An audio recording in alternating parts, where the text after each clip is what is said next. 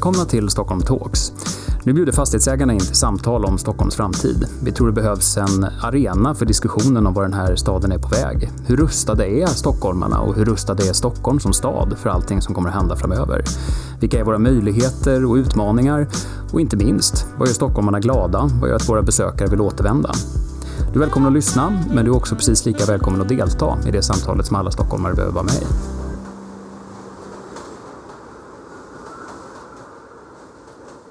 Varmt välkommen till Stockholm Talks eh, som är en samtalsserie om Stockholms framtid i regi av Fastighetsägarna i Stockholm. Jag som leder samtalet heter Per Slingman. Och under ett antal samtal under våren så ska vi fråga oss vilka konsekvenserna blir av coronakrisen för en stad som Stockholm. Hur kommer stan påverkas? Och en fråga som har hamnat i skuggan av andra frågor, framförallt av frågan om bekämpning av smittspridning och de ekonomiska konsekvenserna, det är ju hur detta påverkar brottsligheten. Och det är intressant också därför att eh, tittar vi på perioden inför det att coronaviruset bröt ut och blev någonting som lamslog oss så kan man säga att brottsfrågorna stod otroligt mycket i centrum. Eh, och vad vi ska göra idag är att vi ska fokusera på två perspektiv eh, som vi ser egentligen är eh, konsekvenser av det vi gör just nu. Och det första är eh, i självisoleringens anda kan man säga. Vad innebär det i termer av utveckling av våld i hemmen. Våld mot kvinnor, våld mot barn och våld i hemmen. Och det andra är ju också en konsekvens kan man säga av självisoleringen. Vi stänger ner gymnasieskolor, vi stänger ner delar av idrottsmöjligheter och så vidare. Och vad får det för konsekvenser för ungdomsbrottsligheten? När unga inte längre har samma typ av kollektiva strukturer som fanns tidigare. Och gäster för att diskutera detta idag det är Nina Rung, kriminolog, grundare till organisationen Huskurage och eh, tidigare utredare på Stockholmspolisen. Eh, Johan Oljekvist, VD på Fryshuset eh, och Oskar Öholm, VD för Fastighetsägarna i Stockholm. Och jag tänkte allra först bara fråga dig, Oskar, varför tar fastighetsägarna initiativ till en diskussion om brottsutveckling? Egentligen så tror jag inte det är så konstigt. Alltså vi pratade ju något annat utav våra sådana här samtal om att fastighetsägares perspektiv på staden lite har förändrats de senaste åren. Det har gått från att man på något sätt så här, här har jag en byggnad som jag förvaltar, till att man mer ser sig som en del i, i samhället i stort. Och man pratar väl, den här nästan klyschan som man använder är ju att det är inte bara kåken, utan det är också det som händer mellan husen och händer i husen mycket av det där är såklart positiva saker som man pratar om. Hur kan vi göra den här miljön trevligare och mer attraktiv och liksom vad mysigt om vi kan stänga av det för kanske den här bilgatan och göra en trevlig uteservering istället. Men det är klart att inte minst i dessa tider så menar man allvar med det där att man också bryr sig om vad som händer mellan husen och i husen. Då finns det ju en del som är mindre trevligt i det också. Så där har det hänt en hel del tycker jag också från, från eh, många fastighetsägare som tar ett grepp om de här frågorna. Både vad det gäller våld i hemmen och fundera på har man ett ansvar där, kan man göra någonting? Men också sånt som händer ute på stan med samarbeten. Hur kan fastighetsägare och kommunen och andra samarbeta för att stoppa ja, skadegörelse och klotter på fastigheter som också påverkar och gör, gör livsmiljöerna runt omkring väldigt oattraktiva att vara i. Så det är väl en av ingångarna från vår sida. Mm, och någonstans kan man säga att, att trygghet är en väldigt central del i att skapa attraktion. Jo men det är det ju. Och det är det ju för alla människor. Man, man vill vara i trygga miljöer. Sen är det klart att för de som, som är fastighetsägare, det, det har ju att göra med, med deras... Det handlar ju lite grann om ett egoistiskt egoistiskt perspektiv. Att vill, vill man ta hand om sitt hus och sin närmiljö, då måste man se till att det också är tryggt för att folk ska vilja bo där. Mm. Nina och Johan, innan vi går in lite mer specifikt på eh, de, era respektive perspektiv så tänkte jag fråga så här, vad är er allmänna reflektion kring frågeställningen egentligen? Vad händer med brottsutvecklingen eh, på grund av coronakrisen? Nina, vad säger du? Um, ja, men jag kan också tycka, alltså jag blev väldigt glad när jag hörde en presskonferens ganska tidigt eh, i coronakrisen och hur man faktiskt tog just det perspektivet, framförallt mot barn. Att det var så här, men vi tänker att vi behöver också ta perspektivet med vad händer med barnen om det är så att vi stänger skolorna och förskolorna? Hur kommer barnen att ha det hemma kopplat till just våld och att vi vet att ungefär var femte barn lever i hem där det finns missbruk, riskbruk eller någon form av psykisk sjukdom som gör att man inte kan ta hand om sina barn på rätt sätt. Ge dem mat, ge dem omvårdnad, och allt det som barn behöver. Så det var jag väldigt glad för att Sverige tog det perspektivet, vilket många andra länder inte antingen har gjort eller så har de helt enkelt sett att det finns andra perspektiv som är viktigare som, som smittspridning till exempel. Eh, så det är väl en sak som jag tänkt på, men också just att såklart, och det ska vi prata mer om eh, eftersom det är en del av, av liksom det vi ska prata om idag, men, men som är just kopplat till att vad händer med barn och vuxna som redan lever i hem där det är knas? Där mm. det är någon som använder våld eller hot, eh, psykiskt eh, våld till exempel. Och man tvingas vara med sin förövare hela tiden. Eh, där den kontrollerande parten också ser till att man inte kommer ut. För att så här, du ska inte gå ut, du ska inte gå till jobbet, nu ska du sitta hemma och jobba hemifrån. Eh, och vad händer med just eh, personer som redan är våldsbenägna eller använder våld och sen också blir av med jobbet eller blir oroliga för sin ekonomi. Hur påverkar det? Så, mm. så det, det gjorde mig väldigt, väldigt orolig mm. väldigt snabbt. Eh, hur ska alla de eh, personerna som lever i hem där de blir utsatta, hur ska det bli? Eh, och därför så tog jag också väldigt snabbt fram faktiskt eh, material som man kunde sätta upp i skolor. Eh, och i... Eh, Innan de han hinner stänga så att säga? Ja, precis. Mm. Eh, till både flerbostadshus men också så här inom, eh, man kan sätta upp dem i omklädningsrum, man kan sätta upp dem, de är, de är skrivna till alla vuxna och alla barn. Så det här ska barn veta om utsatthet, vart de kan vända sig och det här ska vuxna veta runt barn, vad de faktiskt kan göra om de är oroliga. Ehm, så att, och den oron har ju också besannats, det har vi ju kunnat se både internationellt och i Sverige. Bra, vi mm. återkommer till de yes. frågorna. Johan, vad säger du? Ja, nej, men vi har ju, Fryshuset har gjort en eh, analys nu eh, i hela landet på de platser vi finns. Eh, och det vi ser är inte så konstigt. Alltså när trygghet och kärlek minskar eh, då ökar eh, våld och kriminalitet. Så det hänger väldigt nära ihop. Eh, och sen har, vet vi också att det är ju ofta, när det gäller barn och brottslighet så är det väldigt förknippat till pengar. Eh, och nu är det många, mycket pengar som försvinner från, från utsatta familjer. Så att eh, vi ser flera effekter eh, vad gäller unga. Sen ser vi en annan effekt, att vi har många kriminella som är aktivt kriminella som nu vill lämna. Vi har ett enormt tryck på våra avhopparverksamhet som hjälper folk, både vit maktrörelse och kriminella gäng, som vill lämna. Eh, därför att det är tuffare tider även där, vilket kommer öka våld, det kommer öka social oro. Så att det här är en absolut befogat perspektiv. Det är det ena. Det andra vi ser är precis det Nina har tagit upp nu. Eh, och det är många som är, jag är också jätteglad över att det har fått vara ett perspektiv. Och där är faktiskt ett, en del av valet att inte stänga grundskolorna är just det perspektivet. Eh, men sen ser vi också en jättestor ökad aktivitet på nätet. Uh, unga är med på nätet men det är också vuxna som utsätter unga för brott. Uh, så att vi får inte glömma bort det. Så vi har väldigt fokus på att mer vuxna vara på, på nätet.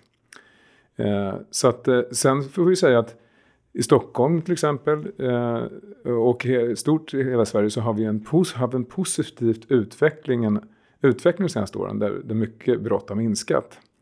Den är vi ju oroliga för mm. att den bryts nu. Mm.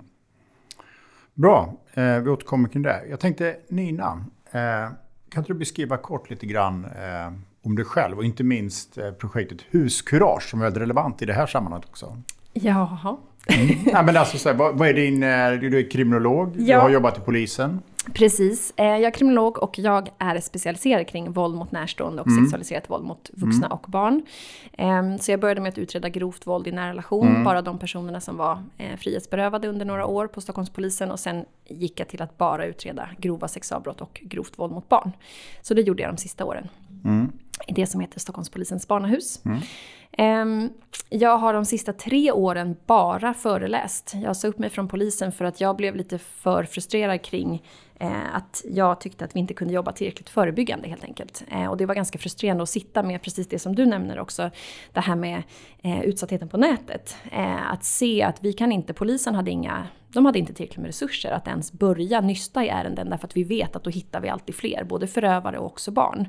Ehm, så att jag började med att bara eh, föreläsa helt enkelt. Att få fler att veta mer.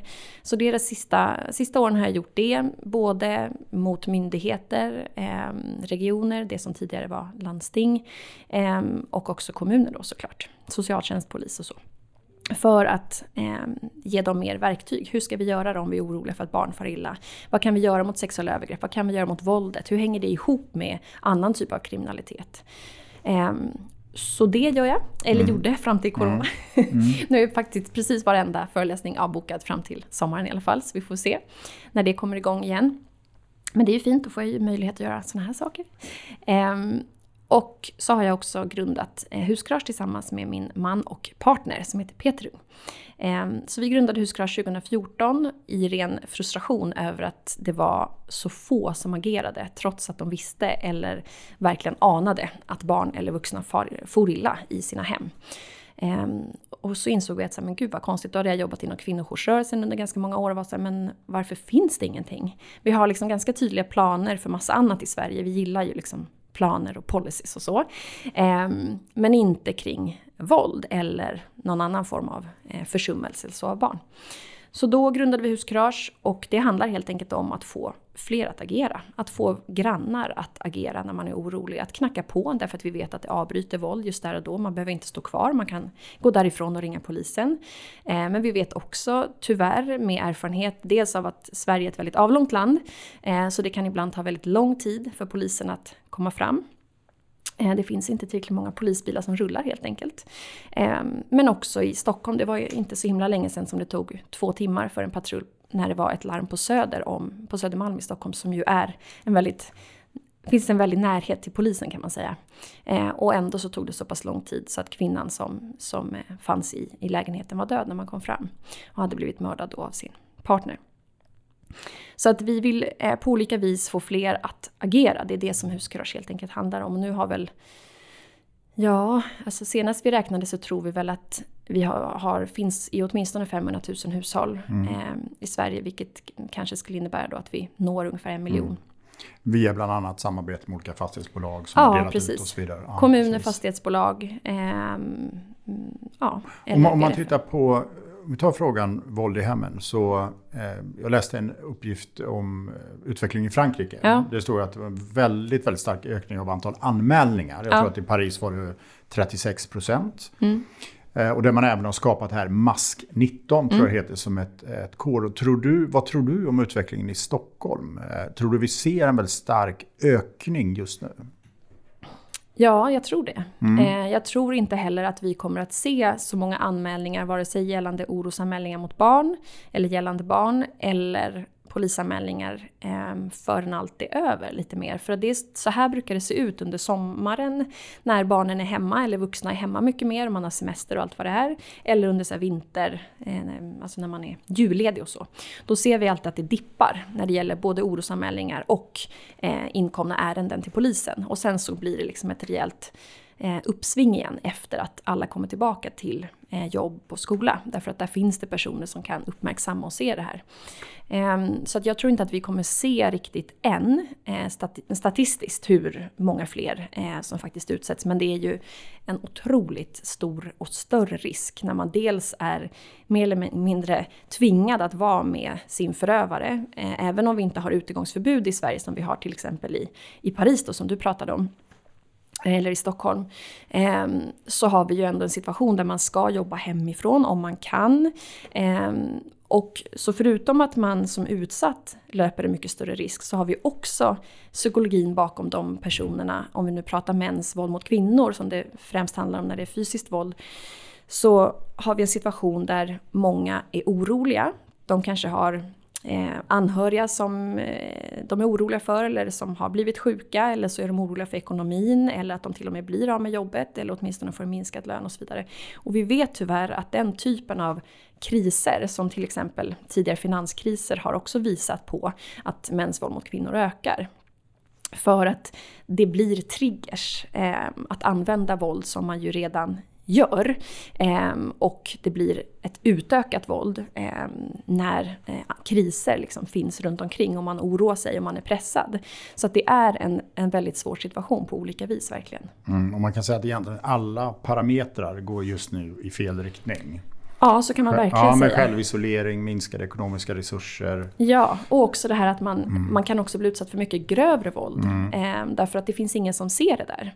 Eh, om jag skulle bli utsatt för, för väldigt grovt våld i, i ansiktet till exempel så, så skulle någon kanske se det om jag ändå gick till jobbet. Mm. Men om jag inte gör det, om jag är hemma i 14 dagar eller jag är hemma i en månad eller två månader, vi vet ju inte hur länge det här håller på, eh, så ökar ju den risken att man också blir utsatt för väldigt, väldigt mycket grövre våld som ingen heller kan, kan se. Mm. Eh, och framförallt är det ju också barnen, dels de barn som tvingas uppleva våldet. Det är ju ungefär var tionde barn i Sverige, det är ju ungefär tre i varje klass som dels tvingas uppleva våldet där de tvingas främst se sin mamma bli utsatt för våld.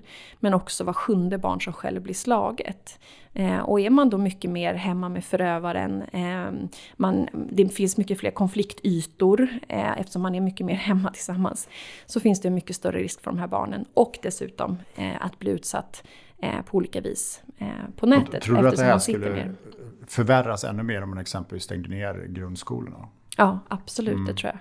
Eh, och det blir också en mycket svårare situation, inte bara våld utan alla de barnen som, som lever i hem som inte är eh, funktionella, som är, där de lever i dysfunktion. Där, det, mm.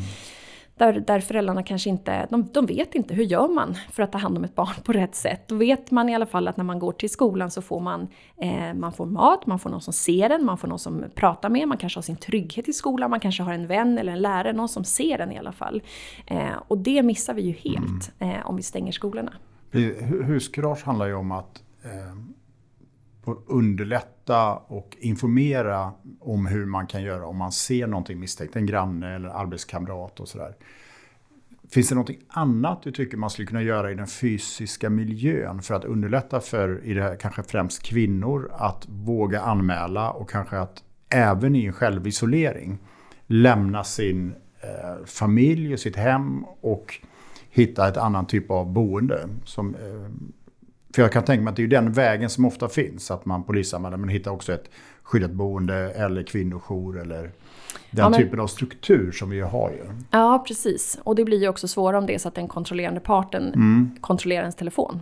Mm. Till exempel. Man kan inte gå iväg och ringa ett samtal till polis eller socialtjänst och säga jag måste fly nu eh, med mina barn. Då har man det enda valet man har då det är att, det är att verkligen ta sig själv eller barnen och fly eh, och hoppas på det bästa.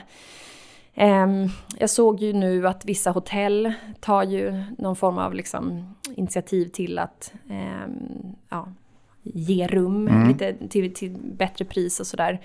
Um, men det är ju fortfarande socialtjänsten som måste ta ett beslut och placera. Uh, och sen också, det är ju socialtjänsten som betalar kostnaden. Så det som skulle vara och det som väldigt många kvinnojourer ju eftersöker det är ju att det skulle finnas fler lägenheter i bestånden, alltså i bostadsbolagens bestånd. Att de här lägenheterna har vi så att man faktiskt skulle kanske kunna höra av sig till sin, sin värd eh, och säga att nu, eh, nu är det här och då kanske man skulle kunna ha en, ett kodord där. Eh, att man säger ja, som i, i, Paris hade man, eller i Frankrike har man mask 19, men det kanske skulle kunna vara, eh, jag tycker vattnet det, det läcker i badrummet, eller någonting sånt som faktiskt låter rimligt. Eh, och att man då skulle kunna, eh, och att då får man fastighetsskötare eller man får eh, personer dit som, som faktiskt kan kolla av läget och sen hjälpa personen därifrån. Det kanske skulle kunna vara ett mm. alternativ eh, om man inte får, har möjlighet ens att, att nå sin telefon på annat sätt än att man kanske mm. måste säga att nu måste vi ringa den här för jag ser att det här händer.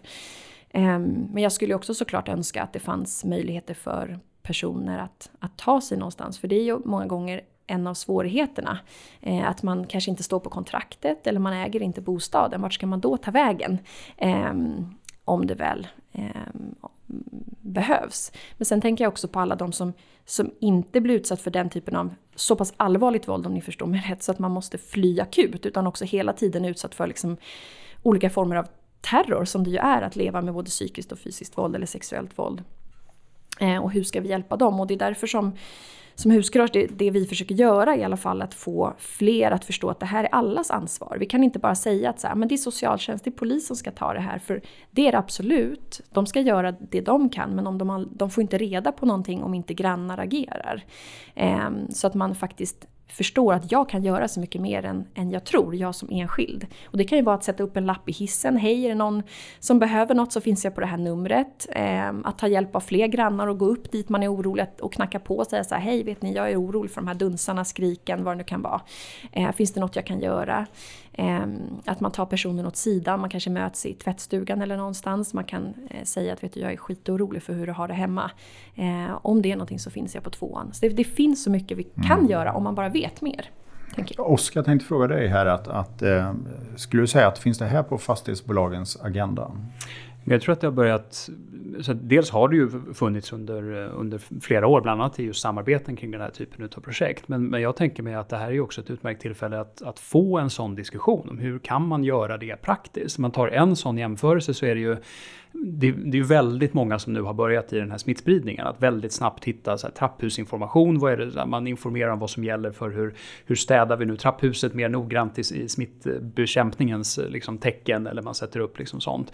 Det är ju också väldigt enkelt att kombinera med precis den här typen av information. Kanske i en tvättstuga, hit kan man höra av sig och så. Och det är ju precis det där lite annorlunda perspektivet. Att det är klart att det, kan in, det är inte bara någons ansvar och fastighetsägaren kommer aldrig kunna ta hela ansvaret för sånt här. Men man kan göra någonting. Ja, jag tänker också på det Nina säger om, om att låta en del i beståndet.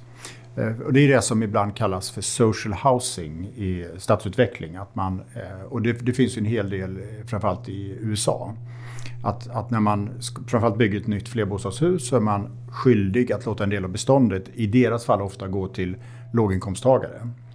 Eh, eller fattiga människor. Och det här är en annan typ av att ha liksom en flexibilitet i beståndet för att också kunna vara den här samhällsmedborgaren. Nej, och jag, tror att det kommer, jag tror att vi kommer få mycket av sådana diskussioner också framöver. Särskilt kopplat till hela liksom, vad som händer i ekonomin. Att vi kommer behöva ha en diskussion om hur kan, hur kan man hjälpa utsatta hushåll på olika sätt. Och en del av det handlar ju om liksom, ekonomiskt utsatta. Hur kan man liksom, lösa det? Där har det funnits som såna här äh, prova på-bostäder via Stadsmissionen och annat som, som har upplåtits. Äh, man har liksom hittat det, lägenheter som har kunnat användas. Och det, det kanske skulle gå att hitta varianter på det här temat också. Men det det är en stor utmaning. Mm. Men jag håller också med om att bostadsbolag verkligen har börjat förstå frågan på ett helt annat sätt än bara när vi började 2014. Eh, jag minns att en av säkerhetscheferna på en av de stora kommunala bostadsbolagen i Stockholm sa så här, just det, vi måste faktiskt förstå att vi förvaltar inte bara eh, bostäder utan också brottsplatser. Att man faktiskt börjar få det perspektivet att så här, vi vet ju rent statistiskt hur det ser ut. Så då vet vi att i varje flerbostadshus så har vi personer som blir utsatta. Och hur gör vi då? Så jag tycker att det har kommit verkligen mer och mer. Precis, när du har nämnt eh, vad man skulle kunna göra så har du ju nämnt flera praktiska frågor. Och du har också nämnt behovet av att egentligen ha en ganska stark folklig insikt och vad man skulle kanske kunna kalla lite enkelt för civilkurage. Mm. Eh, är det viktigare skulle jag säga än att börja titta på sådana här mer politiska frågor som straffskalor och eh, den typen av frågor? För att det är också intressant tycker jag genom många år att den här frågan har varit ganska den har varit ganska tillbakahållen i den politiska debatten. Mm. Ja men verkligen. Alltså jag tänker att man inte behöver ställa dem mot varann. Eh, jag tänker att vi fortfarande behöver ställa mycket högre krav eh, än vad vi gör. Nu börjar det ju också bli mycket bättre men, men mot polismyndighet till exempel, mot socialtjänst. Att man har en, en gedigen kunskap om mottagande till exempel. Hur möter man personer i kris? Hur möter man de här kvinnorna? Vi vet att de, de har jättesvårt att att stå fast i sin anmälan. Och det är ju för att de inte känner att de får stödet, de kanske inte har någonstans att vända sig, de är rädda, det finns massa skäl till det. Eh, så vad gör vi åt det då? Eh, och det har ju varit ganska eftersatt. Mm.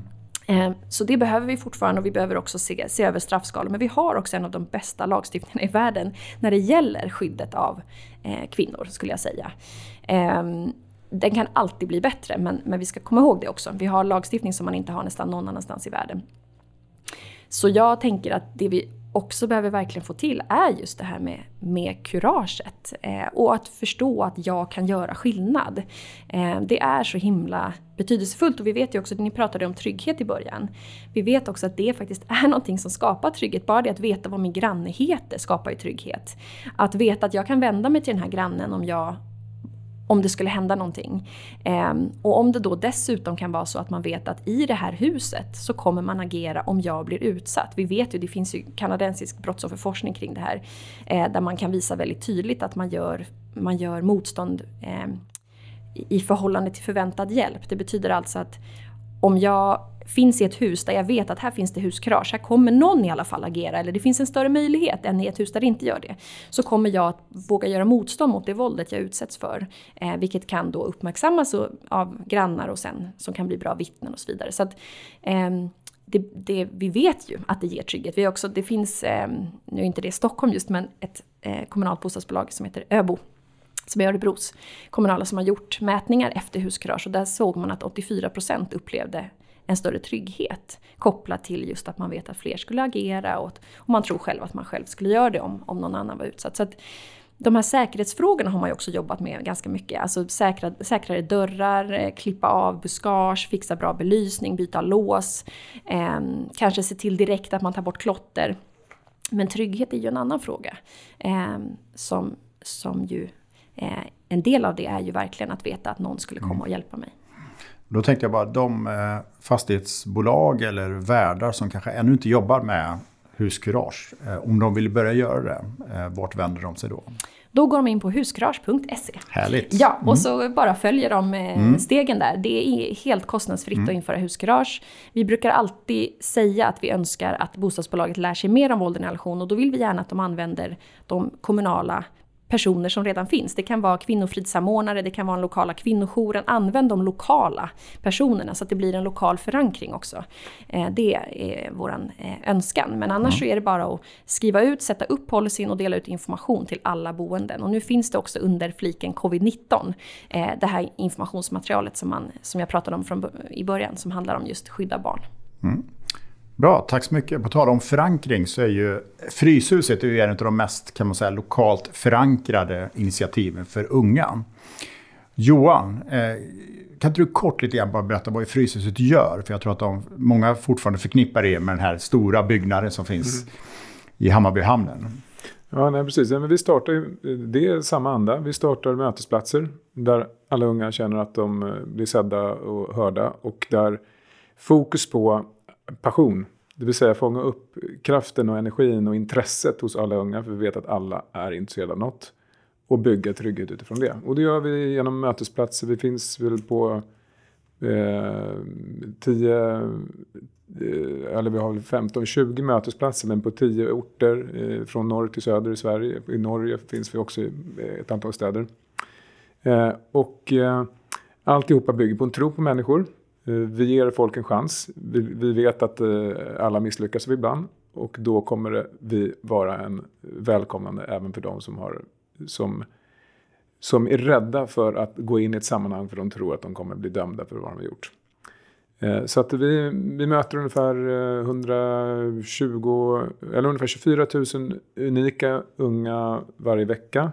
Vissa möter vi varenda dag i våra skolor. Vi driver ju både grundskolor, och folkhögskola och yrkeshögskola och gymnasium.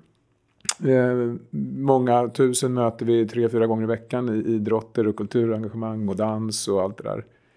Eh, och sen driver vi också särskilt riktade verksamheter för att fånga upp unga som riskerar att hamna i risk, utanförskap eller är i utanförskap.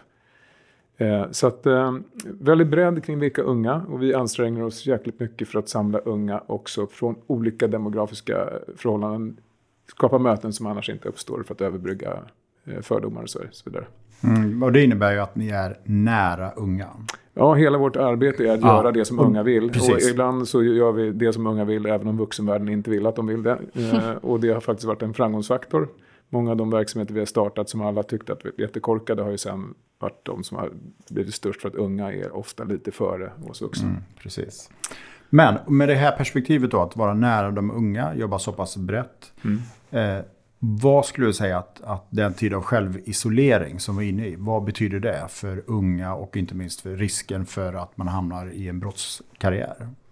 Ja, eh, säger det, det där självisolering, det låter ju, de flesta av oss kan göra det. Mm. Eh, det är väldigt många unga som inte kan det.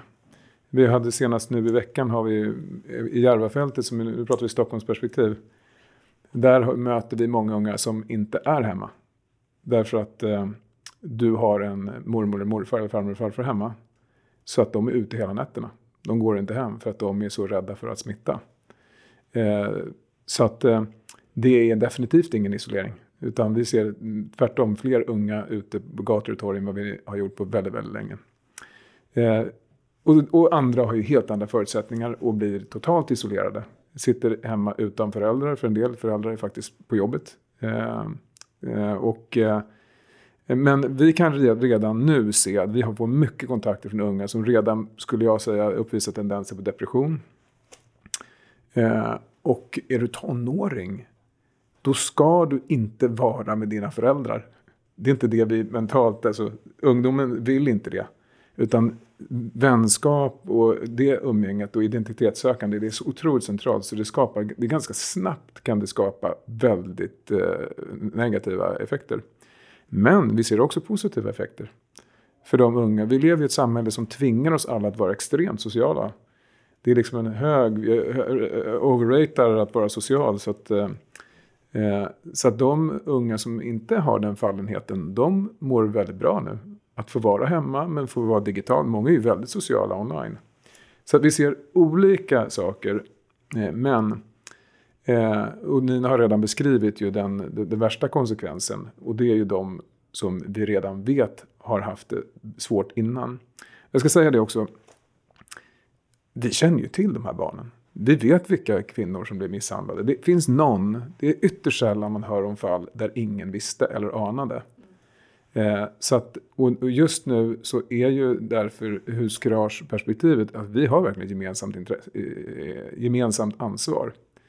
Eh, och då har vi de, det som blir så tydligt nu, att det som var ojämlikt redan innan, det blir ännu mer ojämlikt nu. Eh, men tar vi Järvaområdet som är det hårdast drabbade området i Sverige. Eh, där måste jag säga också, det vet ni på fastighetsägarna, men vi har ett stort problem med infrastruktur. Vi har miljonprogram som byggdes för många år sedan som inte gör bostadskarriär möjlig. Så vi har en alldeles för hög omsättning. Så man, man kanske inte får, känner alla det kanske är för många nya, man kanske inte skapar alla gånger förutsättningar att skapa den, den, den, kollektiva tryggheten som just är ett skydd när, när det blir stressigt i samhället eller, och framförallt när vi behöver mobilisera kring barn. Men det, så bostadskarriär, fler större lägenheter, eh, bostadsrätter, radhus och annat behövs i, i de här områdena. Eh, men eh, isolering, det gör, vi vet det. Det värsta vi kan utsätta en människa för, det är inte att döda henne. Det är att isolera henne från gruppen. Det är så djupt, det ligger så djupt i oss så att eh, Eh, jag är faktiskt, vi vet inte vad den svenska inställningen nu kommer, det vet vi om några år har vi facit. Men ur mitt perspektiv som har ungdomsperspektivet så är det jag så glad över att svenska politiker har vågat och orkat hålla den här linjen vi har nu. För jag tror vi har räddat många liv som, som skulle på sikt ha förlorats för att eh, det kostar oerhört mycket att isolera människor. Så det är min allmänna inställning. Mm. Om man, om man eh, tittar lite mer specifikt så säger det att det rör sig många fler unga ute. Mm. Eh, och att det här går i två riktningar. Men tror du att den eh, sammantagna effekten blir att vi kommer få se en ökande ungdomsbrottslighet? Ja, Oavsett vilken skola man tillhör. Vissa tycker att unga väljer att vara kriminella för de tycker det är kul. Andra förstår och begriper att det är ingen ung som vill det utan man gör det av nöd och tvång. Fast man inte riktigt är medveten om det. Oavsett vad man tror på så, så finns, finns det ett svar. Ja. Det, ungdomsbrottsligheten kommer att öka. Och vi, vi, vi ser redan nu, vi har kontakt med unga nu och vi planerar för sommaren. Som står i valet att eh, tvingas in i att begå brott därför att de har, det finns inga pengar till mat hemma. Helt enkelt. Eh, och de ser ingen annan möjlighet. Det finns andra möjligheter men de har inte tillgång till dem och litar inte på de kanalerna. Eh, vi har också, vilka, vilka kanaler tänker du på då? Ja, men det är unga, ta, unga som, som man inte litar på? Ja, unga som växer upp i hem som har stor, inte litar på vårt samhälle. Mm.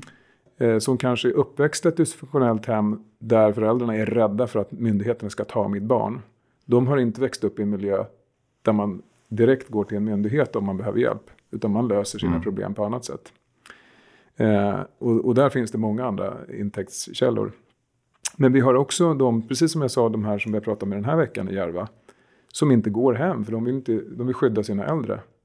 Och vilka är det som är ute? Vi har ett stort problem med för, för få vuxna ute nu. Alltså nattvandrare, och många andra, har ju slutat röra sig i miljöer. Men vi har unga och unga kriminella som är ute och rör sig. Och ska jag fortsätta måla då en negativ bild.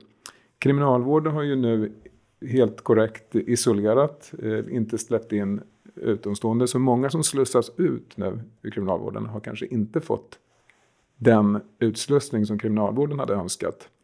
Så vi har ju folk som kommer ut som har suttit i anstalt.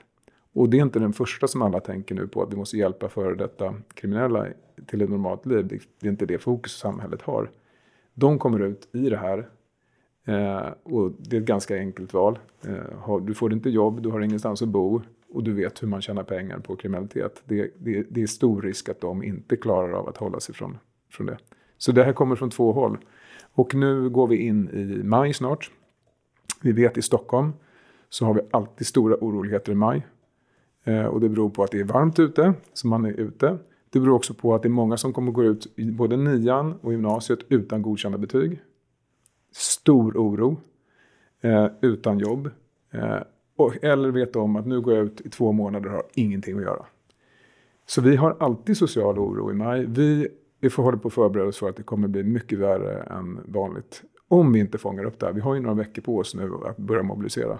Och, eh, och när du säger fånga upp och mobilisera. Du har nämnt en sak som handlar om fler vuxna ute ja. i miljöerna. Vad finns det mer som du lägger i? Aktiviteter. Vi, ja. Fryshusets linje nu, vi håller ju nästan öppet allt. Alla våra idrottsaktiviteter och vi driver ju två av Sveriges största idrottsföreningar. Men det är väldigt mycket idrott som har stängt ner, andra klubbar. Vi håller alla våra mötesplatser öppna. Det är väldigt många andra som har stängt ner. Det här är ju svårt. Därför att man, vi vet varför man gör. Man vill vara en god förebild i smittorisk. Men nu måste vi någonstans börja väga. Eh, och det är det hela samhället kommer göra nu. Kostnaden av att ha stängt också. Eh, och eh, än så länge har ju Folkhälsomyndigheten bedömt, liksom vi, att det är, det är bättre att vi som driver ungdomsverksamhet håller öppet. Eh, och det, så det hjälper ju oss, vi är helt i linje. Men jag skulle säga att vi behöver mer aktivitet än vad vi någonsin har varit, haft förut. Sommarjobb, vi har tusentals unga eh, i Stockholm som inte kommer få sommarjobb nu i sommar därför att det, det finns inte. Eh, mycket av vården har, har stängt ner där många som normalt får sommarjobb har i äldrevården. De kommer inte våga släppa in. Så att vi ser nu, och det, kom, det håller vi faktiskt på med nu de här dagarna, att vi behöver snabbt mobilisera för att ordna platser, vara lite flexibla i. Det kanske inte måste uppfylla alla krav som vi normalt har. Vi kanske ska tillåta andra typer av aktiviteter som, där unga faktiskt får sin finansiering. Så det finns jättemycket vi kan göra. Det gäller bara att vi är snabba och kan ta de där besluten som normalt är ganska tröga i Sverige. Och när du säger vi, vilka inkluderar du i vi? Då menar jag alla. Mm. Eh, vi har, problemet är, skulle vi säga nu är inte viljan. Det, vi möter en väldig pragmatism hos tjänstemän i, i Stockholms stad och stadsdelarna. Eh, hos eh, företag. Eh, men vi har ju ändå massa regler. Vi, Sverige är ju väldigt, väldigt bra på, på, på struktur. Nu måste vi tänka utanför den och det är inte, då måste någon säga ni får våga. Mm. Eh, men jag, jag, tror, jag tror att vi kommer klara mycket faktiskt. För det, folk har den inställningen nu. Så jag är faktiskt hoppfull eh, om det. Och jag bör kommentera också att fastighetsägarna här, det är ju väldigt vältajmat att fastighetsägarna har kommit upp på banan så mycket som man har gjort nu de senaste åren. För, för fastighetsägarna är kanske de viktigaste aktörerna, för de är närmast. De är varje dag tillsammans med människor där de bor. Så det är en otroligt god förutsättning att, eh, att nå fram. Eh, men eh, jag, jag, tror verkligen man måste både kunna göra det snabba. Vi delar ju ut jättemycket mat varje dag till de unga som faktiskt inte får mat nu. Det kommer, det kommer göra att många inte behöver gå in i kriminalitet, inte begå brott. Eh, men sen måste man också samtidigt göra det långsiktigt. Jag tror just nu hela samhället är väldigt, väldigt bra på det kortsiktiga. Vi behöver börja växla upp till det halvlånga, det vill säga hösten och 2021 utan att tappa fokus på, på det som är nära. Så mat. Eh, hur löser man transporter? Eh, eh, det, det, går att hantera. Hur, alla sommarverksamheter. Kollon och sånt som nu riskerar att stänga. Nej, nej, säger vi. Öppna upp mycket mer men ha mindre grupper. Gör det på ett tryggt sätt. Det är också diskussioner vi har inlett med olika aktörer. Och du nämnde ju fastighetsägarna som en väldigt central part. Mm. vad, vad, skulle du önska dig mer? Du sa så här, det är bra att fastighetsägarna växlat upp. Mm. men vad skulle du önska av dem idag? Ja, men jag, tror att, jag tror att olika aktörer behöver kroka arm nu tillsammans med kommunerna. Eh, och skapa aktiviteter på, i offentliga miljöer. Det handlar om, nu handlar det om att inte låta antingen väldigt nattvakna unga eller andra, andra personer ta över de offentliga miljöerna. och det är det, det är det som man har gjort ganska bra också de senaste åren. Att det, det har man förstått från de olika kommuner och fastighetsägare. Men nu handlar det om att göra det väldigt, eh, väldigt synligt. Vi till exempel, alla våra fritidsverksamheter i södra Stockholm, vi är nu ute och grillar på, i offentliga miljöer. Och det är för att det ska finnas vuxna förebilder där unga är Därför att det finns positiva förebilder, för det finns redan destruktiva förebilder. Mm. Vad säger Oskar? Ja, men jag tror att det ligger väldigt mycket i, framförallt det här med att hitta nya sätt att samarbeta blir mm. ju rätt viktigt. Och det, vi hade för en tid sedan just eh, en konferens där vi pratade om hur kan man skapa mer, mer trygghet i utanförskapsområden. Och väldigt mycket så handlar ju den diskussionen om, ja, det blir fokus på polisen och det blir fokus på vad socialtjänsten ska göra. Och så glömmer man det att så här, med ganska enkla insatser i ett bostadsområde som även en fastighetsägare kan ta till, bara se till att, att miljön hålls trygg och snygg, att man vidtar kanske en del åtgärder i den fysiska fysiska miljön för att liksom skapa eh, den typen av saker. Men också just samarbete och samverkan som kan vara väldigt effektivt. Mm. Sen, min reflektion blir ju också lite grann att om man ska vara lite hoppfull i det här perspektivet så finns det ju någonting i att vi lite grann vi, sam, eh, staten gör massor just nu. Det är krispaket efter krispaket. Men man ser också att det händer saker i samhället, i civilsamhället. Jag roade mig själv med att, att ringa runt till de jag kände av släkt och vänner i riskgrupp och frågade sig någon som behöver hjälp med att handla. Ingen behövde hjälp. Nej men för det har grannen fixat. De hörde av sig och hjälpte till. Och det, det är ganska intressant hur mycket sådana exempel som vi nu ser. Och kan vi ta några av de lärdomarna för att liksom jobba vidare i den här typen av frågor, då har vi ju kanske kunnat öka samhällsengagemanget i den här typen av diskussioner, eh, också långsiktigt. Mm. Mm. Jag tycker Johan, du, du sa en väldigt intressant, du sa så här att vi måste vi är ju i Sverige, det vet vi, vi är väldigt regelorienterade. Det är ju så här att, att om EU-kommissionen bestämmer någonting så gör vi inte någonting innan vi fått okej. Okay. Det är inte många andra länder som gör det, framförallt inte i Sydeuropa. Så säger du så här att, att vi måste egentligen låta syftet gå före regelverket. Mm. Det var intressant, för vi hade för vad kan det varit, några veckor sedan så var hon som är sjukvårdsregionråd här. Och hon sa just att det fantastiska inom sjukvården det är att, att nu har vi sånt oerhört fokus på att liksom skapa nya IVA-platser och hantera det här så att vi låter alla de regler som alltid funnits komma i andra hand. Exempelvis när det gäller dokumentering och sånt där. Att man, man låter helt enkelt det vara. Och, och, det är intressant att du säger att det finns behov av en sån här signal. För det är egentligen en politisk signal. Att säga att, att liksom våga nu. Och, och sen är det regelbrott så tar vi det sen. Eh, så det är väl också någonting som vi skulle kunna föra vidare i diskussionen. Att, att den signalen är väldigt viktig och det är mm. väldigt djupt rotat. Jag, jag, vi har också sett det i några mindre kommuner. Som ju är snabbare per automatik. Eh, när man införde distansundervisning i gymnasiet. Några kommuner som vi jobbar med som dagen efter direkt öppnade upp mötesplatser för vissa av eleverna. Därför att de visste liksom vi alla visste, att vissa kommer inte klara det här. Eh, det var ju egentligen emot eh, reglerna, men de gjorde det på ett tryggt och bra sätt. Det, det, och de kunde träffa varandra i rummet och säga visst förlåter vi varandra för det här efteråt när vi får skäll. Ja. Mm. Eh, och det, det, det är den andan, i en stor kommun som Stockholm behöver vi skapa en, en sån anda. att men jag, jag, tänker också, du nämner här, det är, det är flera i, stora idrottsföreningar som har stängt ner ungdomsidrott och ja. sådär. Och det är väl också här att skicka en signal att, att det finns flera perspektiv. Ja. Eh, inte bara så att säga, det Folkhälsomyndigheten säger, utan det finns också andra perspektiv. Ja. Så, jag, vill, ja. tillägga också att eh, du, du sa något bra där, trygghet, vad har vi haft fokus på? Nu, nu, nu för tiden man säger trygghet i Sverige, vilket är väldigt udda, då tänker alla polis. Hade någon sagt trygghet för fem år sedan, då, då var vi ju stolta i internationella sammanhanget. Just i Sverige hörni, betyder det inte safety polis, utan det betyder, it's a very Swedish, different word, only in Swedish. eh, trygghet nu, det är normalitet. Vi behöver skapa en sån mycket möjlighet till normalitet det bara går för unga. Och det, det kan vara ganska lik, lite. Den där fotbollsträningen kommer vara det viktigaste vi kan göra för vissa unga. Och vi har unga som nu kommer och liksom så oroligt ber oss, snälla, ni stänger väl inte grundskolan, ni stänger väl inte basketen, för då är det kört. Och, och i det ligger, vet ju vi vad, vad ligger i att det är kört. Så att vi, det där lilla normala, att få någon annan än, det, än hemmet att prata med, det kan betyda så otroligt mycket. Eh, och kan vara en liten brygga under den här tiden som gör att vi inte tappar. För vi kommer tappa unga. Mm. Eh, om, eh, om, ja, hur bra vi än är kommer vi göra det. Mm, jag, jag tänker också finns ett annat perspektiv som är, du nämnde själv det här att både titta på det kortsiktiga och lite längre fram. Det handlar ju egentligen om framtidsutsikter. För vi vet väldigt mycket att, att eh, personlig utveckling och samhällsutveckling handlar väldigt mycket om vad har man för framtidsutsikter. Mm. Och, och, återigen, innan corona så gjordes ett, ett gäng ganska intressanta undersökningar som pekade på att man ställer frågor till, till människor så frågar man så här, tror du att dina barn kommer få det bättre eller sämre än vad du själv kommer få det?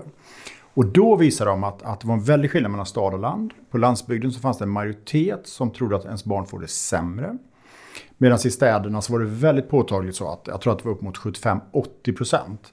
Där man tror att ens barn får det bättre. Att vi fortfarande är på den här resan att, att bli ett rikare samhälle, ett starkare samhälle. Eh, och tittar man nu på prognoser så pratas det ju om att vi kommer att ganska snart ha arbetslöshetsnivåer i Sverige på 10-20 procent.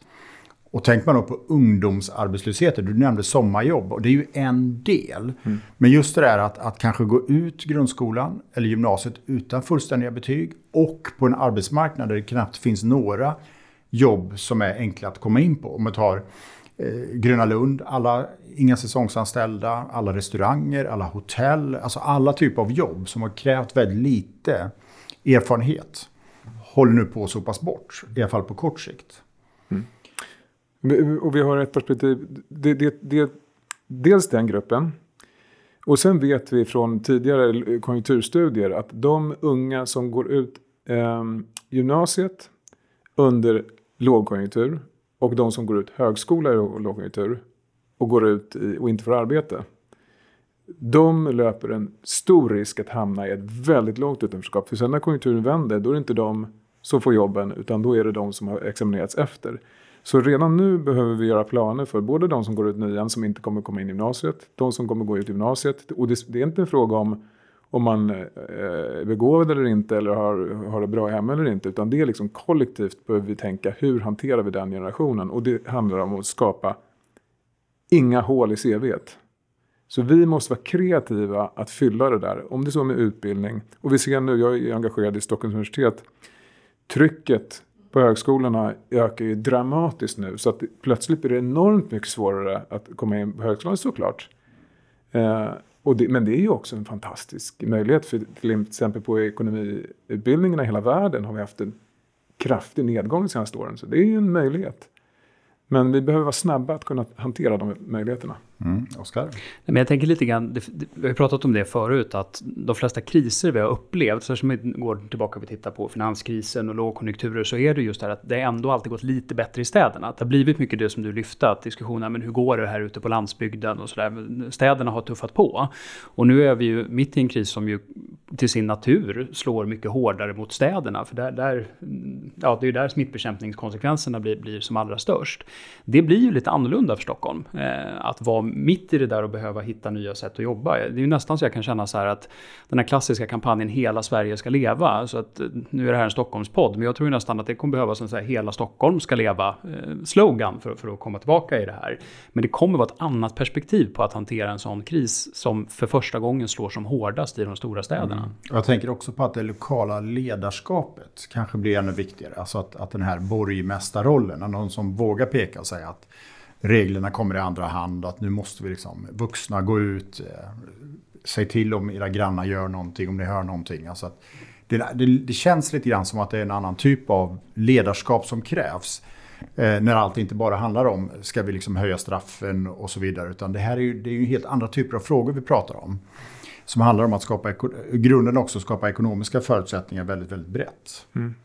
Vilket jag också är, tänker jag, väldigt glad för att eh, inte såklart på något vis corona, men, men att det blir ett avbrott i den här väldigt, väldigt hårda politiska liksom, jargongen som har varit kring brottslighet.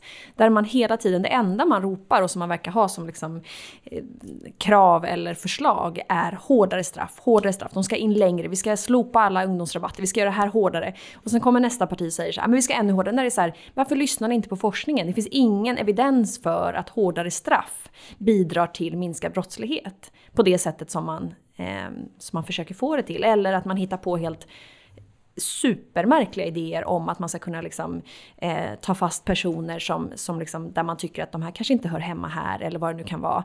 Baserat på vad då? Alltså det finns den, den, det är så här uppskruvade tonläget som har varit så lång tid nu tänker jag är, där blir jag glad på ett sätt att det bryts och att det vi faktiskt pratar om nu istället är ju mer hur fasiken ska vi hantera alla de sociala och ekonomiska svårigheter som leder till brottslighet. Eh, och också förstå kopplingen. Vi vet ju att barn som utsätts för våld hemma, vilket främst är pojkar, de är ganska överrepresenterade när det gäller att bli utsatt för våld hemma hur det påverkar deras möjligheter, alltså kognitiva möjligheter att lära sig saker i skolan till exempel. Om man då inte heller klarar skolan så blir det ännu en sak man, är, man liksom har failat på. Eh, och inte heller ger en möjligheter, några framtidsmöjligheter. Den har vi redan och den blir ännu mer tydlig nu. Eh, så jag är väldigt glad för att det lyfts på det här sättet och jag hoppas att det gör det mycket mer. Och precis, det är intressant att du säger det Per, för jag tänker så här, var är eh, de starka Stockholmsrösterna? Jag har inte eh, hört att någon har så stigit fram och varit så här, hörni, så här, nu behöver vi göra det här, nu behöver vi samlas, vi behöver göra det här tillsammans för att vi inte ska få en förlorad generation, för att vi inte ska få fler och, och, och värre och grövre brottslighet, för att vi vet att de som inte kan vara hemma, dels av skäl som du säger, som handlar om att man inte vill smitta äldre, men också för att man kanske är så trångbodd eller att man eh, blir utsatt för någonting, man inte vill vara hemma för att det är totalt kaos där hemma. Vad gör man då och vem blir man upplockad av? Eh, så jag, jag skulle verkligen mm. vilja se någon, någon politisk förmåga som nu bara tar stafettpinnen mm, i, i Stockholm. Ja. Mm. Jag har ytterligare där eh, som hänger ihop med det. Att eh, vi har nu eh, konspirationsteori som har tagit en enorm fart. och att vi nu har så många som har dött i Järva, på Järvafältet. Det där vi redan hade tillitsproblem liksom, med, med, inom Stockholm. Eh, där eh, finns det så oerhört mycket teorier om vad det här handlar om och varför är det folk som dör där och hur tar så här egentligen hand om. Så att nu behövs verkligen enhet som visar att, att Järva är en del av Stockholm på samma sätt som alla delar av Stockholm. Eh, och det behövs en enorm insats för att misstron är redan stor. Så att det här var ett behov som redan fanns. Nu har det eskalerats snabbt och, och, och jag är våra medarbetare i Järva är, jobbar hårt nu, är ute hela tiden och informerar och pratar med människor för att bryta de här negativa berättelserna som sprids nu. Konspirerande berättelser, berättelser om vad det här handlar om. Och det är därför vi egentligen behöver vuxna vara det att det behövs en röst som avbryter den där och bara ställer en fråga, men låter det där verkligen rimligt? Eller tror du verkligen på det? Eh, men det måste ju också sändas signaler mm. om att vi är ihop nu. Det var, det var faktiskt en, vad var det, en bra slag. Hela, hela Stockholm, du? Hela Stockholm, ska leva. Stockholm ska leva. Ska leva ja. Mm. Det, det, behövs sändas nu. Men jag tänkte också på det som Nina sa det här att, att eh, det finns behov av någon som kanske träder fram lite grann med kanske ett bredare perspektiv än, än att, att enbart fokusera på eh, smittbekämpning. Eh, håller du med om det? För du ja. har nämnt flera gånger signaler, ja. skicka signaler. Ja, precis. Jag, mm. jag förstår att politiken är rädda för att så fort den som börjar värdera liv lägger riset till. Men samtidigt vet vi alla att det har vi gjort i trafikplanering i, i, i 50 år. Eh, vi vet att det dör ungefär 300 personer i trafiken varje år. Vi har inte stängt all trafik. Det är en kalkylerad risk. Någonstans här måste någon börja prata om vad är kostnaden? Och det är inte i pengar, utan nu börjar vi faktiskt prata mänskliga kostnader som också kommer ta liv. Men jag förstår att det är politiskt väldigt, väldigt läskigt att vara den som först börjar prata mm. om det här. Men det behövs göras, det är bara en tidsfråga. Den som, jag vet inte när det behövs göras, men någon måste börja prata om det. Mm, jag tänker också på den här, den här kollektiva mobiliseringen. Ja. Eh, för jag, jag, det slår mig när vi pratar här att, att egentligen så skulle antagligen en åtgärd som skulle kunna handla om att skapa 50 000 sommarjobb i Stockholm ja. ha en enorm effekt relativt Precis. många andra åtgärder. Ja, absolut. Det är inte särskilt dyrt. Nej. Eh, och det skapar enorma långsiktiga mm. och kortsiktiga. Och, men jag, jag, tror att eh, vi får se. Vi, vi har, håller på att driva det här men, men eh, vi, man hoppas ju på att politiken hakar på. Men eh, jag vet i alla fall att vi har väldigt bra tjänstemän i, i, lyssnar nu och ser ju själva det här. Så jag har ändå hopp om att det går. Men än så länge så har det ju eh, samtliga partier ska jag säga varit ganska lågmälda. Men det är väl rädsla, man vill inte visa någon oenighet, man vill inte och sådär. Så mm, absolut, och ja, det kan ju också vara så att det är någon utanför politiken. Verkligen. Som tar initiativet, ja. formulerar någon typ av berättelse som sen mm. sprids vidare och sätter mm. sig. Mm. Verkligen, så länge den har en tillräckligt stor megafon tänker jag. Ja, så, att det, ja. så att det blir liksom ja. Eh, hörs. Men jag tänker det finns så mycket man skulle kunna använda ung arbetskraft, eller vilken arbetskraft som mm. helst, till ju. För som du säger, det är ju väldigt svårt när alla de här lätta jobben eh, försvinner i och med liksom restauranger, kaféer, eh, den lättare, liksom, eller lättare, men, men när man tar hand om äldre, all den vården mm. som jag till exempel jobbade med när jag var ung som, eh, som sommarjobb. Nu släpps, hade inte jag släppts in på ett sjukhus. Eh, men jag, alltså, jag plockar fruktansvärt mycket skräp. Jag vet inte om, om ni gör det, men jag går alltså med påsar varje dag. Eh, min man har myntat ett skräp om dagen. Man ska åtminstone ta ett skräp om dagen som har gjort någonting. Men jag tänker att så här, en, förstå vad vi skulle kunna få en fin och ren stad. Bara en sån sak genom att få, mm. genom att bara mata på eh, mm. kids som plockar skräp. Till exempel. Eh, det kan, kanske du kan tipsa politikerna om. För då ja, jag väntar bara ju... på att Håll Sverige Rent ska ta den Ja men bollen, verkligen, faktiskt. förstår du vad bra? Vi skulle få det rent och fint. Hela Stockholm ska leva. Och så, ja, precis. Och sen så har vi då liksom eh, någon, eh, det, ja vi kommer, få, vi kommer få världens renaste huvudstad. Ja. Eh, men vi kommer också få, det är en ganska bra sak på CV, där det bara, det kan ju stå Stockholms stad. Perfekt. Men, men jag ska säga något, att jag är hoppfull kring den här pragmatismen som jag ser nu, den här rörelsen i samhället. Eh, det, det, ta till exempel, eh, vi drog tillsammans med eh, eh Beredskapslyftet, snarare tog initiativ till, till spår 3 att få in fler vuxna i skolan nu för att garantera att alla klarar sina betyg. Det var vi, eh, eh, de var eh, Kista International School och eh, IES och SAS. Eh, normalt så, så hade det här varit en ganska stor fråga för facket. Eh, ska vi släppa in arbetskraft i det tog eh, en dag så hade fackförbunden sagt det är klart vi ska göra det här. Eh, det tog, det, det tog en helg att eh, organisera det. Och nu har vi redan den första, det här var förra helgen, nu har vi första, redan de första praktikanterna som vi håller på att utbilda. Det där, hade någon sagt det där för så hade det, så det finns ju en, en vilja. Så att jag tror att jag tror, du säger något viktigt där Per, att jag tror vi, vi måste föreslå för politiken. Vi måste hjälpa mm. att komma med konkreta förslag. För man kan inte förvänta sig att politik, politikerna ska sitta och komma på allt. Det är inte så världen fungerar.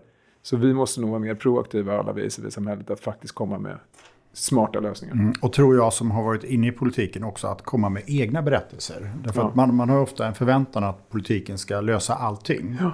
Och nu är ju politiken eh, väldigt koncentrerad kring att försöka hantera det på en daglig basis. Mm. Fokus på sjukvården, antal IVA-platser och så vidare. Det måste man ha respekt för. Men jag tror just det här perspektivet som ju är en brytning kan man säga. Mm. Vi har precis liksom eh, gått in i en kris.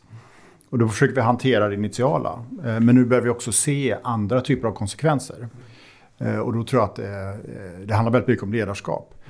Eh, men jag tycker att, att eh, eftersom vi har lite dur just nu i diskussionen, att, att, eh, att vi sätter punkt där. Och stort tack Nina, stort tack Johan. Jag lämnar över till dig Oskar. Men tack så mycket. Jag tänkte bara egentligen avsluta med att höra, höra vad, du, vad tror du själv Per? Om du tittar på det här vi har varit inne på. Känner du igen det här att nu börjar fokus i debatten handla om mer än bara smittbekämpning? Är vi liksom på väg att börja prata annat än bara ja, den akuta fasen? Ja, det, jag tycker det var väldigt intressant för att i början av den här fasen då såg man att, att det fanns ofta många länder en konflikt mellan experter, Folkhälsomyndigheterna och politiken. Och man kan säga att i princip alla länder utom Sverige valde vägen att det här är en möjlighet för politiken att visa hårt ledarskap. Och det visar sig ju fortfarande nu att i opinionen och så här så ses det, det har belönats väldigt mycket. Exempelvis i Danmark, den danska eh, statsministern har väldigt höga förtroendetal och har varit väldigt, väldigt hård. Men jag tror konsekvensen av det, det är just den här typen av eh, frågor som vi diskuterar här nu. Att de sociala konsekvenserna kommer bli väldigt omfattande.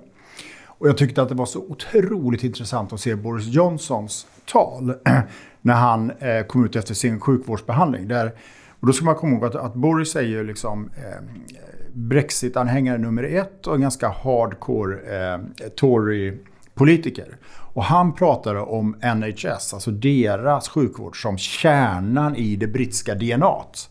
Och det tycker jag var väldigt intressant. Från en idé att vi ska bara klara oss själva, alla där ute är de onda, till att helt plötsligt så är det någonting annat som är kärnan.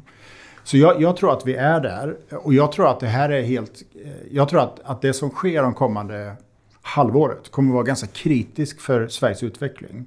kommer att vara kritisk både för om vi politiskt kommer att våga hålla fast vid det vi gör nu, men inte minst för samhällsutvecklingen. För jag, vi, har, vi har ju knappt något minne av att ha en massiv ungdomsarbetslöshet på det sätt vi har nu. Och i eh, en värld som är väldigt digital, där brottsligheten kan ju också förstärkas väldigt mycket genom enkla, snabba digitala kontakter. Eh, väldigt många som, inte minst äldre, som sitter ensamma. Så jag, jag tror att det här är en tickande bomb. Men som man inte ser med omedelbara ögat. Det är det som är svåra. Dödstalen ser vi. De är konkreta. De vaknar vi till varje morgon. Eh, men det här är någonting mer komplext som kräver en berättelse. Mm. Tror du att den tonaliteten, måste säga, det här ganska polariserade samhällsklimatet som vi har haft, där, eh, kommer det vara en annan ton i den här debatten också? Eller återgår vi alltså jag, jag tror så här, Jag tror så här att rent ekonomiskt så kommer vi ju se en ökad förmögenhetskoncentration. För det är ju så att de som har kapital idag kommer ju att kunna göra, bli otroligt framgångsrika framåt. Väldigt många som har haft långa livsverk kommer se dem gå i kras och det kommer skapa väldigt mycket sociala problem, psykosociala problem. Så jag tror rent ekonomiskt kommer vi se en fortsatt polarisering. Eh, men jag tror att det finns eh, ett utrymme för en ny typ av politisk linje. Eh, som i grunden så här, utgår ganska pragmatiskt från den situation vi har. För på något sätt så tycker jag i alla fall rent personligen att, att det här kullkastar rätt mycket av hela höger-vänster-perspektiv. Och det ser vi ju i allting nu. Eh, och på något sätt så, så, handlar det om så här, hur, hur kan vi bli framgångsrika i den här situationen? Jag tror att Förhoppningsvis kommer det perspektiv vi har här bli bärande. Men jag tror det som också kommer bli otroligt bärande, och det är ju därför att vi utgår alltid från att nästa kris kommer vara som den förra. Det är att vi kommer skapa, försöka skapa en massa beredskap. Beredskapslager. Vi kommer nog titta, bankerna kommer titta på liksom tjänsteföretagen. Kan vi verkligen tillåta dem ha så otroligt tunna marginaler? För det är också fascinerande att en restaurang som har funnits i 20 år klarar inte av en tom restaurang i en månad. Och det beror på att det är den här typen av business. Man är helt beroende av det som sker här och nu med väldigt låga marginaler. Pengar in, pengar ut. Så jag tror att vi kommer få väldigt mycket sådana diskussioner om samhällets hållfasthet. Eh, och jag hoppas ju då att vi också får den här typen av diskussioner. För att det du börjar med egentligen Johan, som jag tycker är väldigt fint när det gäller Fryshuset, är ju att se liksom alla människors egna kraft. Och att alla människor någonstans har en talang. Och det är klart att det är väldigt svårt för många människor i en läge med massarbetslöshet att se liksom, okej, okay, det jag brinner för och min talang, kan jag göra någonting av det? Så det, jag tror att det krävs mer av ett lokalt ledarskap. Eh, vi skulle behöva starka borgmästaren i Stockholm tror jag. Vi får se om vi kan fortsätta den eh, diskussionen, men helt klart är det ju att den här framtidsdebatten om vad Stockholm är på väg, den, den ser annorlunda ut nu än vad det gjorde för några månader sedan, men är kanske viktigare än någonsin. Men vi stannar för idag och är tillbaka den 28 april igen med fortsatta samtal om Stockholms framtid. Bra.